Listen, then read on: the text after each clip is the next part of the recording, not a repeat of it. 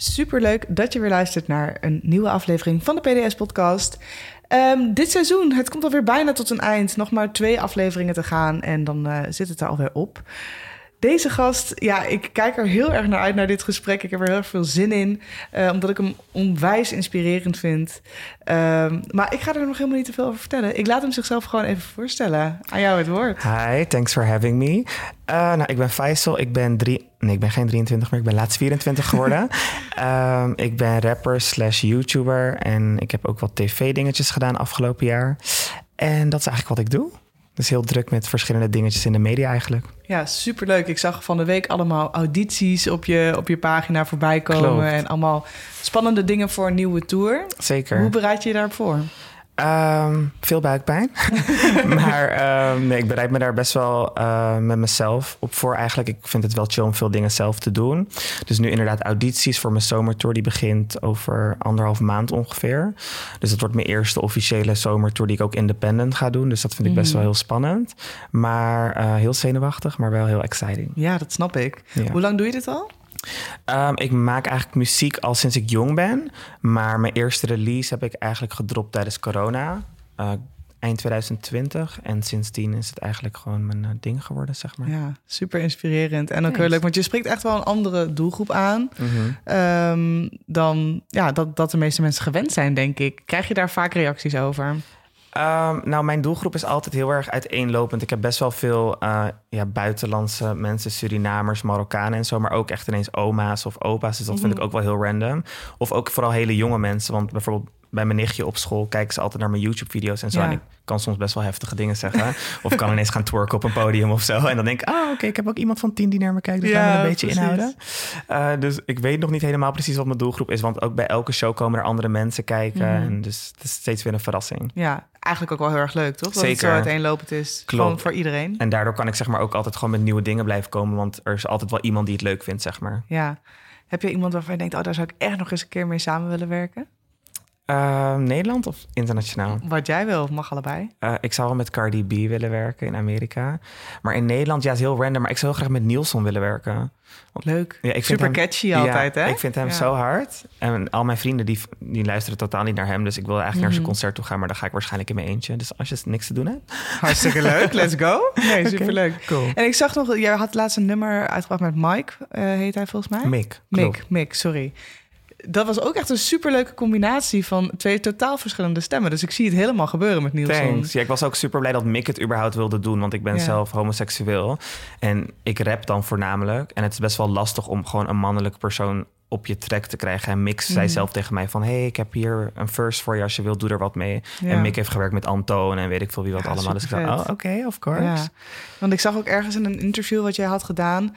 dat veel platenmaatschappijen er soms best wel moeilijk over doen dat jij homoseksueel bent. Mm -hmm. Klopt dat? Ja, ik heb zeg maar um, vanaf mijn eerste release eigenlijk al in het begin dat ik muziek maakte, wilde überhaupt niemand een studiosessie met me boeken, omdat de soort muziek die ik maak is gewoon, mm.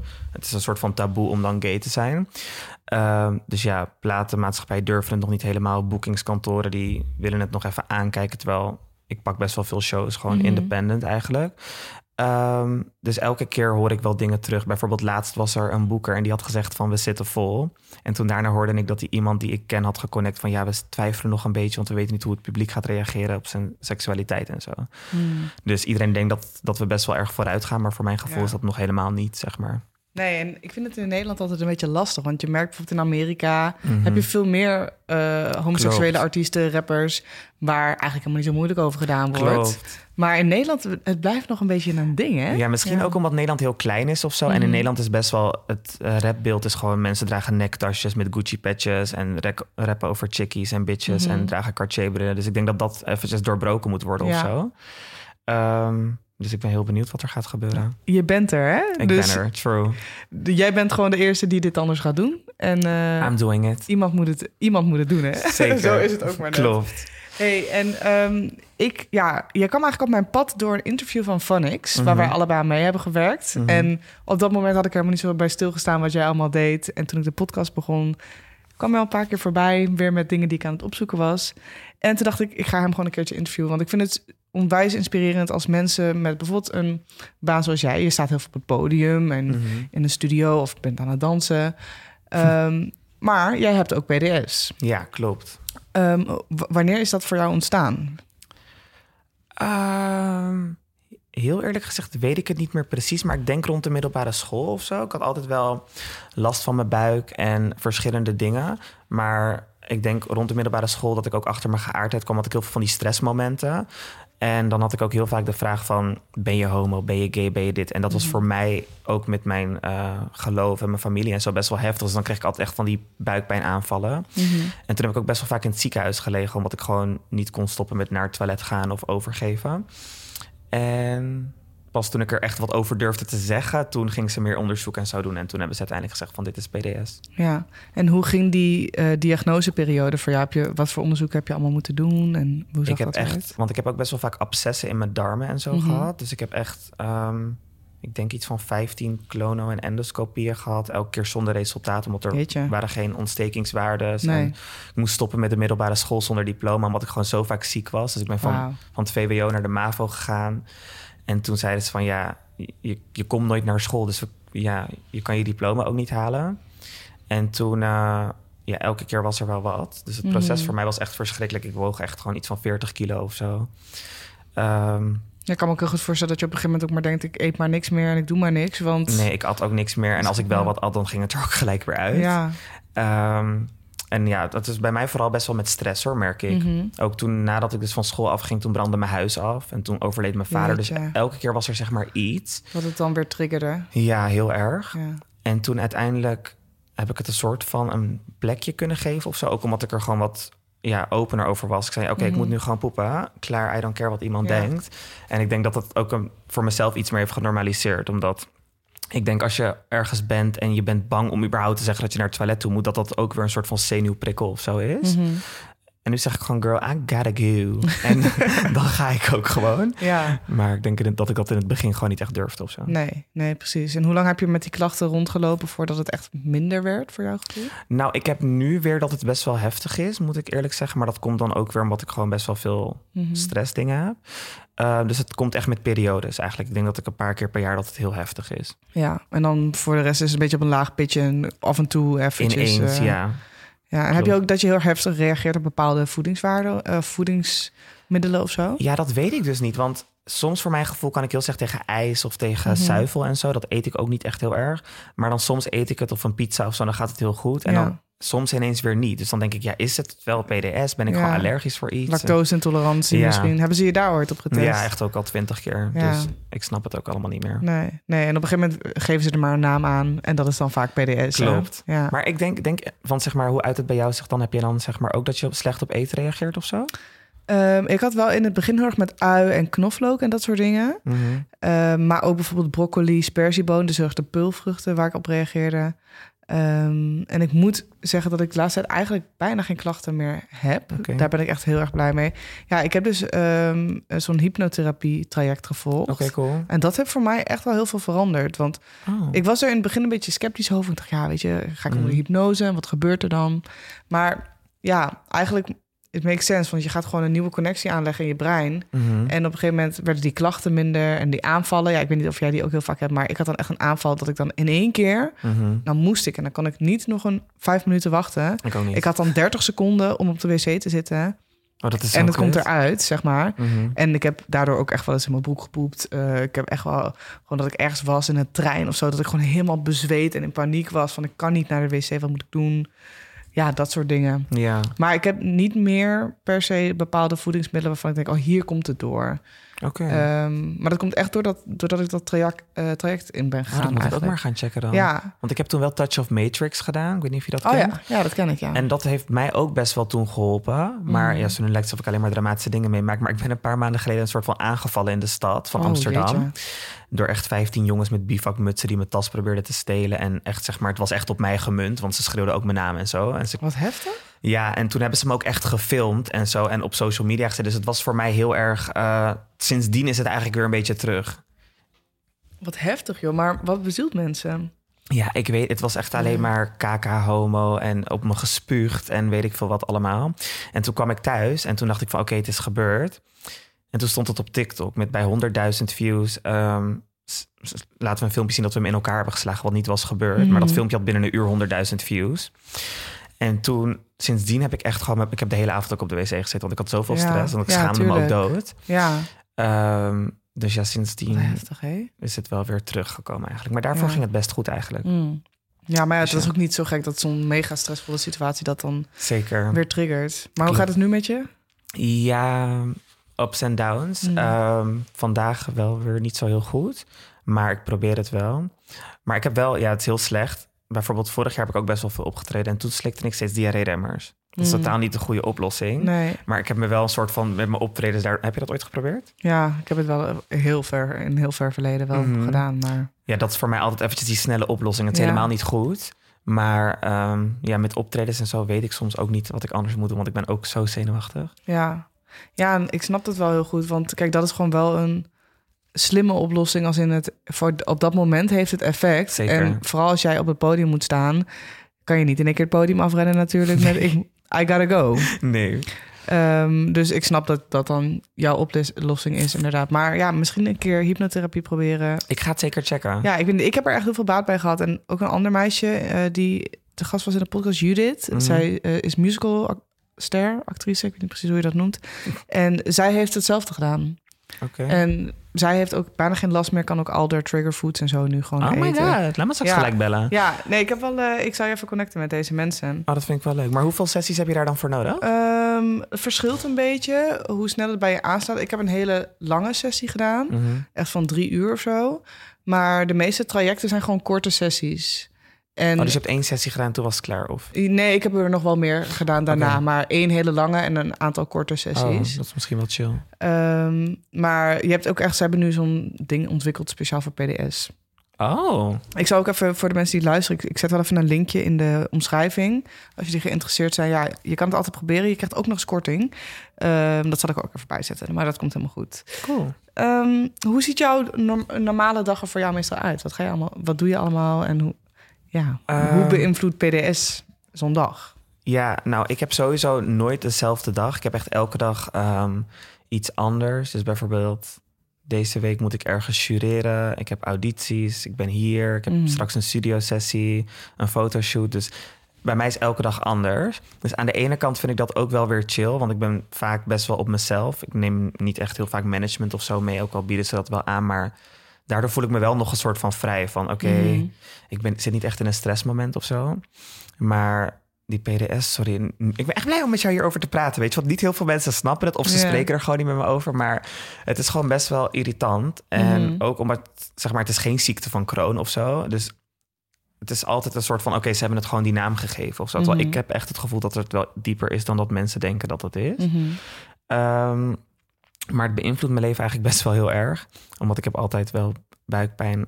En soms heb ik ook het gevoel dat ik naar de wc toe moet. En dan is het ook niet eens zo. Nee, dan kun je daar heel lang zitten zonder dat er iets gebeurt. Klopt. Ja. Of ehm, overgeven heb ik ook wel last van. Mhm. Ehm, Maar is dat dan bijvoorbeeld omdat je dan heel lang niet bent geweest? Dat het dan voelt alsof het niet verder kan?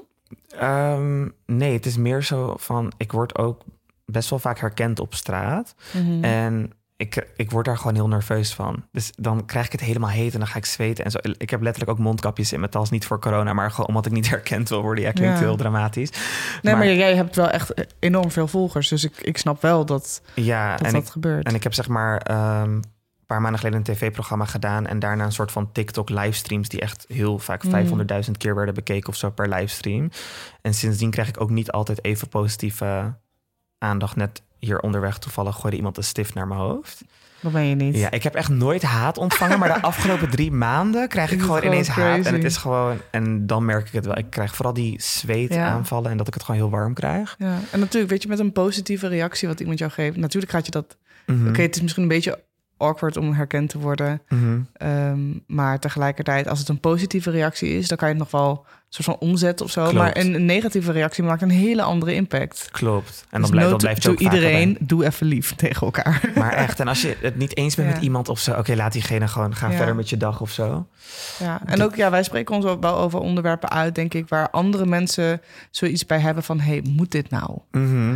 En ik denk dat eh, ik krijg namelijk ook echt niet altijd positieve reacties. Over het algemeen wel, van mensen die het hebben. Mhm. Dus mensen die het hebben, die snappen heel goed waar het over gaat. Maar mensen die het niet hebben, die denken echt... ja, je gaat toch niet een beetje over poep zitten praten op het internet? Ja, ja.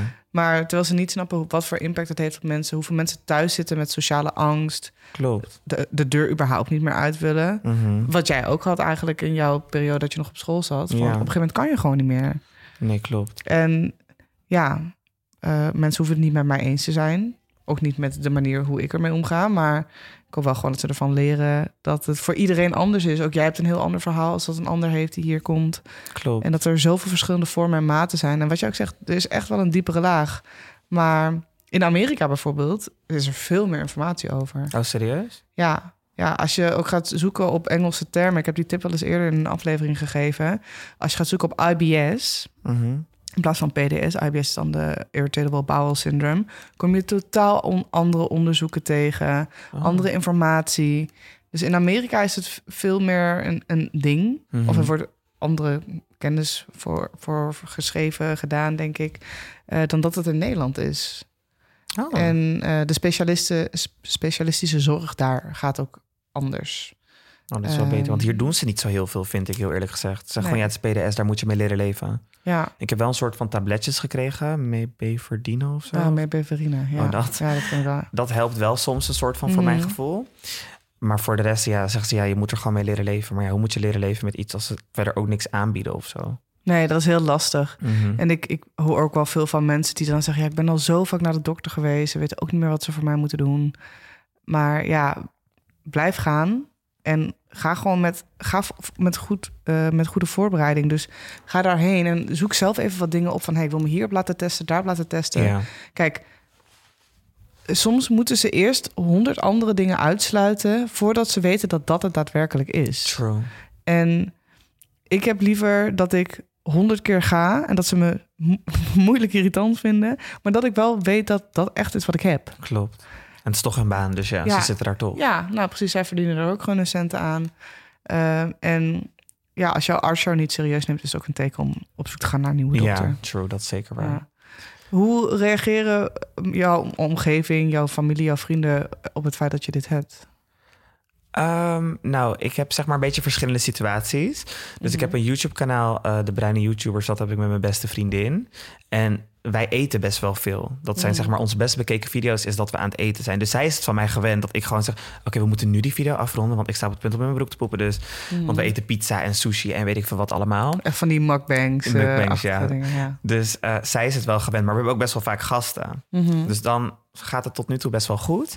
Ehm, dus Kelly die reageert altijd goed, mijn beste vriendin eigenlijk. Maar vorig jaar toen had ik ehm, ja, dus mijn eerste paar optredens. En de grootste was op de Dam. Dat was de mainstage voor Amsterdam Pride. Dat was voor 15.000 mensen. En ja, ik kende mijn dansers ook nog niet zo lang. Want ik had het weekend daarvoor en het weekend daarvoor drie shows gedaan. En het was eigenlijk pas het begin. En ze zeiden van, oké, jullie moeten gaan klaarstaan. Maar ik kon gewoon niet meer, want ik had tegen mijn dansers gezegd van... er staan waarschijnlijk 100 mensen. We moeten waarschijnlijk als een van de eerste openen. Mhm. En toen stond het he- de hele dam stond gewoon vol in Amsterdam. En er stonden daar een paar Dixies. En ik dacht, oh MG, ga ik nu in mijn broek poepen? Of op het podium? Of wat, wat gaat er gebeuren? Ja. En toen zei ik, nee, sorry, ik moet echt naar de wc toe gaan, rek het maar. En toen ben ik gewoon naar de wc toe gegaan. En toen heb ik gewoon een goede show kunnen geven. Mhm. En die dansers waren gewoon super supportive. Dus dat was echt heel chill. Ja. Maar wel lastig om dat te vertellen, denk ik, aan mensen die je eigenlijk niet zo heel goed kent. Klo- nou, in het begin had ik daar wel moeite mee. Maar nu heb ik meer zoiets van... Ja, klinkt misschien een beetje bitchy of zo, maar ik moet optreden. De mensen die daar waren, waren management, make-up artists en dansers. En die werken eigenlijk allemaal dan in principe voor mij. Mhm. Dus ik, ik heb gewoon tegen gezegd, luister, ik heb een zwakke buik. Hou er vast rekening mee. Ik val bijna drie Ja. keer flauw en ik slik diarree-remmers en weet ik veel wat. Mhm. Dus ze waren gelukkig supportive. En ze vonden het ook niet raar of zo, dus dat vond ik ook wel chill. En mijn familie ook wel, want volgens mij heeft mijn hele familie een zwakke buik. Dus eh, Mhm. de een heeft ziekte van Crohn, de ander heeft colitis ulcerosa, Mhm. een heeft PDS. Dus ehm, die zijn eigenlijk ook wel chill. Maar ik krijg wel vaak comments ook van... waarom moet je altijd praten over diarree of over dat je last hebt van je buik? Ja, waar krijg je dat dan vooral online? Ja, of om- eh, op YouTube of ja, zo? of mensen denken dat ik een grap maak. Maar ik zeg gewoon soms meer van... oh my god, ik krijg diarree of zo. Maar dan is het meer van, ik krijg het ook echt... maar ik probeer het op een soort van grappige, Grappige manier te brengen... om ja. het een soort van te normaliseren of zo. Ehm, Maar dan krijg ik wel vaak van... oké, die dingen zijn een soort van taboe om over te praten. En eh, waarom moet je altijd de uiterste dingen eruit pakken Ja. van... je bent gay, oké, we weten dat al. En nu kom je hier ook nog eens praten over poep en dat soort dingen. Ja. Ehm, maar ja, ik, ik vind dat niet heel erg. Want ik heb zoiets van, oké, dan horen ze het wel, snap je? Dan, Mhm. Het is dan misschien die ene keer, maar dan is het wel genormaliseerd. Ja, ja, precies. En wat, je, wat jij doet, dat vind ik eigenlijk wel heel erg mooi. Je kan het op een luchtige manier brengen. Mhm. Haha, voor het grapje een rijtje. Eh, je kan het op een luchtige manier brengen, maar toch dat de boodschap wel overkomt. Want doordat mensen dus gaan commenten van waarom praat je hierover, Mhm. is eigenlijk een teken van oké, er moet dus over gepraat worden, want anders zou dit geen issue zijn. Klopt. En sorry, maar Beyoncé poept ook gewoon. Ja. Ehm, de, je, de koning zit ook gewoon een paar keer per dag of per week op de wc. Per No- uur. Who knows? nobody cares. Ja, Maar ja, waarom kunnen we... Je darmgezondheid is de belangrijkste gezondheid letterlijk. van je lijf. Want het werkt samen met je brein en het- stuurt eigenlijk alles in, jou, in je lijf aan. Dus ja, laten we gewoon lekker over poep praten met, z'n- met z'n allen. Is echt zo. Maar ik denk ook dat het zeg maar wel een beetje iets is met... ehm, ik heb ook best wel veel jonge volgers dus. Mhm. En dat zijn dan voornamelijk mensen op de middelbare school. En dat zijn vaak die mensen die best wel een grote mond over dingen hebben. Ik moest bijvoorbeeld vorige week moest ik gaan spreken voor vijf middelbare scholen. Mhm. En dat was in samenwerking met een museum. En het ging over vrijheid en tolerantie. Mhm. En ze moesten mij daar vragen over stellen. Maar het ging over alles behalve dat, want die mensen hadden zo'n grote mond. En toen zei ik van, jullie zitten nu op de middelbare school... en dan gaan jullie later terugdenken aan deze tijd van... ik had zo'n grote mond, want ik heb dat zelf ook gehad. Mhm. Van, oh, alles is raar en alles is taboe en zo. Dus aan de ene kant judge ik ze niet... omdat ze gewoon best wel jong zijn. En als je Mhm. jong bent, dan zeg je alles wat je denkt. Maar aan de andere kant denk ik wel gewoon dat ze het moeten horen, inderdaad. Dus wat, wat ze nu raar vinden omdat ze het nog niet kennen... is Mhm. morgen misschien helemaal niet meer raar. Nee, exact. Dus ja, en het zijn vaak ook die Mooi. mensen die het waarschijnlijk zelf hebben, die Ja, Gewoon de ja, grootste ja, mond Vaak erover is het hebben, ook onzekerheid of schaamte of eh, true. iets wat daarbij komt kijken. Wel heel mooi trouwens, gewoon side note, maar ehm, in de vorige aflevering, die met Jacodine, Mhm. zij heeft een boek geschreven en dat gaat dus over twee middelbare scholieren die PDS hebben. Mhm. Onwijs inspirerend en ik vind het echt heel mooi dat ze het heeft geschreven. Want ze heeft het ook echt met dit wat jij net noemt, is dat andere mensen er cool over doen. Ja, Dat, dat komt daar gewoon gigantisch in terug. oh cool. Dus ja, ik vind dat voor jongeren, als je op de middelbare school zit of je bent gewoon wat jonger en je vindt het interessant. Ja, leuk boek om een keer eh, Oh, dat is wat te lezen. Ja, Maar het is ook wel op de middelbare school. Ik weet niet of jij... Had je er toen al last van? Ja. Maar zeg maar bijvoorbeeld... Stel je voor je moet op de middelbare school naar het toilet. Ik had echt zo'n school dat gewoon... Ja, eh, je wacht maar tot na de les. Of je moet je vinger Mhm. opsteken en zo. En ik denk dat misschien ook heel veel jongeren die dan daar zitten... Die, die dat misschien ook niet tegen hun docent durven te zeggen. Dat dat gewoon super irritant kan zijn. ja, En gewoon dat mensen ook niet meer naar school toe willen om die reden misschien. ja. Ja, vaak is het ook wel, ja, hou, inderdaad, hou maar even op of zo. Ja. Wacht maar even. Maar of steek je vinger op. En niemand heeft tijd om te wachten tot die vrouw is uitgesproken... om vervolgens naar de wc Nee. te gaan rennen. Nee. En eigenlijk het wc-gebruik, laten we, laten we het zo maar noemen, dat moet eigenlijk gewoon heel normaal zijn. Je moet gewoon op kunnen staan naar de wc, kunnen Ja. gaan wanneer jij dat wil. Klopt. En tuurlijk gaan mensen daar misbruik van maken, maar je bent eigenlijk niemand ver- verplicht om te zeggen dat je het hebt. True. En ze zijn natuurlijk bang dat mensen inderdaad gaan praten... en weet ik veel wat op het toilet of weet ik veel wat. Maar ja, er zijn mensen die dus inderdaad echte problemen hebben. En die moeten gewoon kunnen gaan. Inderdaad. Ja, ik hoop gewoon dat dat een keer verandert. Ook bijvoorbeeld in eh, treinen en zo. Zijn soms Mhm. ook gewoon geen wc's. Klopt. Nou, sommige treinen hebben wel van die awkward wc's in het midden, zeg maar. Ja. En als je hem open doet, gaat die hele deur gewoon zo open. Ja, en dan zit er net iemand. Ja, en die gangen staan altijd vol, inderdaad. ja. ja. Dus, en sommige treinen hebben inderdaad helemaal geen toilet en zo. Nee, En dan zit je in de trein. Van dat zijn echt van die dingen waarvan ik dan denk... de, is daar niet over nagedacht of zo? Je hebt Mhm. zo'n diverse samenleving... aan mensen met allerlei verschillende problemen. Kijk, natuurlijk, er wordt dan wel nagedacht over rolstoelgebruik... en dat is natuurlijk iets heel anders. Mhm. natuurlijk moet dat zo zijn. Klopt. Maar ja, toiletgebruik is eigenlijk... Ik zou dat heel normaal vinden als, het, als er overal een toilet is. En wat ik een heel gek concept is, eh, vind... is dat toiletten altijd... dat je daarvoor moet betalen. Ja, klopt. Dat vind ik ook raar, want dan moet je ervoor betalen. Dan zou ik denken, oké, je moet ervoor betalen zodat het schoongemaakt wordt. Maar dan Mhm. kom je daar binnen en is het alsnog niet eens schoon. Nee. Dus ja, ik vind dat ook best wel vreemd. Want Ja. soms moet je gewoon vaak naar de wc en dan moet je elke keer die 70 cent gaan pinnen. Mhm. Ja, niet, nou, die 70 cent boeit mij niet zo heel erg. Maar ik kan wel begrijpen dat niemand daar tijd voor heeft om elke keer 70 cent te gaan pinnen. Nee. En sommige stations hebben ook geen wc. Nee, Ja, klopt. dat- Dat, klopt. in ja. Hilversum had je bijvoorbeeld eerst een toilet en dan moest je eerst inchecken bij spoor 1 en dan pas kon je naar het toilet. Mhm. Maar stel je voor, je moet gewoon naar het toilet omdat je daar bent of je wacht op de bus, dan moest je dus onder het poortje heen gaan Ja. kruipen of zo. Ja, bizar is dat, hè? ja, echt zo vreemd. Nou, als iemand luistert van de NS, eh, Ja. doe er wat aan. Bel ons. Hey Faisal, ik vond het echt super fijn om met jou uh, hierover te kletsen vandaag. En ik hoop echt dat je heel veel mensen mag inspireren met jouw verhaal. Thanks. En niet alleen PDS gerelateerd, maar eigenlijk met alles wat je doet. Want ik vind het super mooi. Dank je. En uh, ja, wie weet komen we op een andere manier nog een keer op elkaars pad. En ik kom sowieso een keer kijken bij een van je shows. Dat lijkt me echt heel erg leuk. Hou ik je zeker aan. En thanks for having me. En ik vind het ook super goed wat jij doet. Omdat inderdaad, toen ik het... Ik had het al gezien bij dat Phoenix interview. Volgens mij waren een paar mensen die dat hadden gedaan. En toen dacht ik al van, oké, het is wel echt cool dat mensen hierover praten, want ik praat er dan een beetje luchtig over. Mhm. Maar jij legt het echt gewoon neer. En dat vind ik echt super mooi dat je dat doet. Lief, dankjewel. Dus thanks for having me. Ja, jij ook bedankt om, dat je hier was vandaag. En jij bedankt voor het luisteren. Ik zie je natuurlijk niet, maar ik weet dat je er bent. Um, vergeet niet eventjes op het belletje te drukken. Als je naar Spotify gaat, daar kan je um, abonneren. Dan krijg je gewoon iedere keer een melding als er een nieuwe podcast online staat. Iedere vrijdag. Um, als het seizoen afgelopen is, natuurlijk even niet. Maar anders iedere vrijdag. En je kan daar ook een review achterlaten. En als je dat voor me zou willen doen, zou me dat heel erg helpen. Daardoor kom ik iets hoger in de charts en kunnen we nog meer mensen helpen. En dat willen we natuurlijk. Heel erg bedankt en wie weet tot de volgende keer.